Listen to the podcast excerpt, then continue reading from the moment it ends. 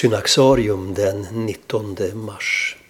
Josef, Herrens fosterfar. Den helige Josef, jungfru Marias make och Herrens fosterfar, som kyrkan idag firar minnet av, är ingen obetydlig gestalt i frälsningshistorien. Trots att vi inte har ett enda ord av honom bevarat i skriften är hans betydelse lika stor som Abrahams. De två står vid var sin ände av den långa linje som representeras av Guds förbund.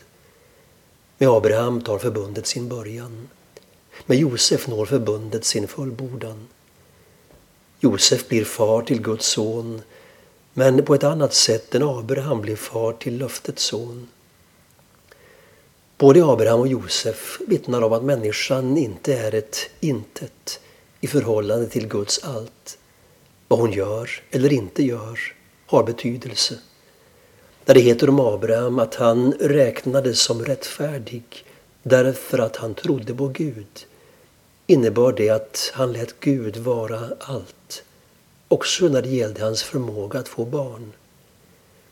Inte kan man bli far när man är hundra år gammal, tänkte Abraham när han fick löftet om en son. Abrahams tro på Gud var inte bara en tro i hjärtat. Den innebar en akt av tro.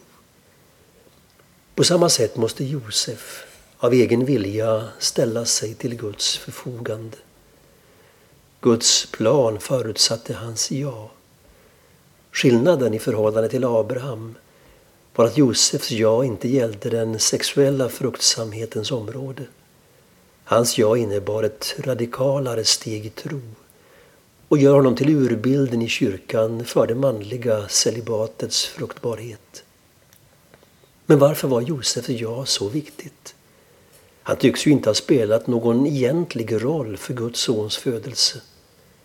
Den skedde utan någon mans vilja, som det heter i Johannes evangeliet.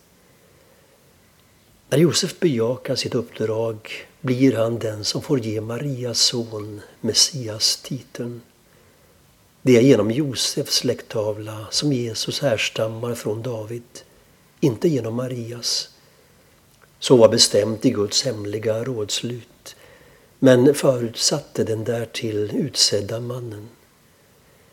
Josefs ja var alltså nödvändigt eftersom Jesus till det inre måste vara Davids son. Därför har Josef samma del i föräldraskapet som Maria, trots att han inte är biologisk far till Jesus. Maria och Josef kallas i evangelierna för Jesu föräldrar. Och när de finner honom i templet säger Maria Din far och jag har letat efter dig. Genom Josef går profetiorna i uppfyllelse. Han är inte bara beskyddaren av det barn Maria föder. Han ger Jesus hans namn.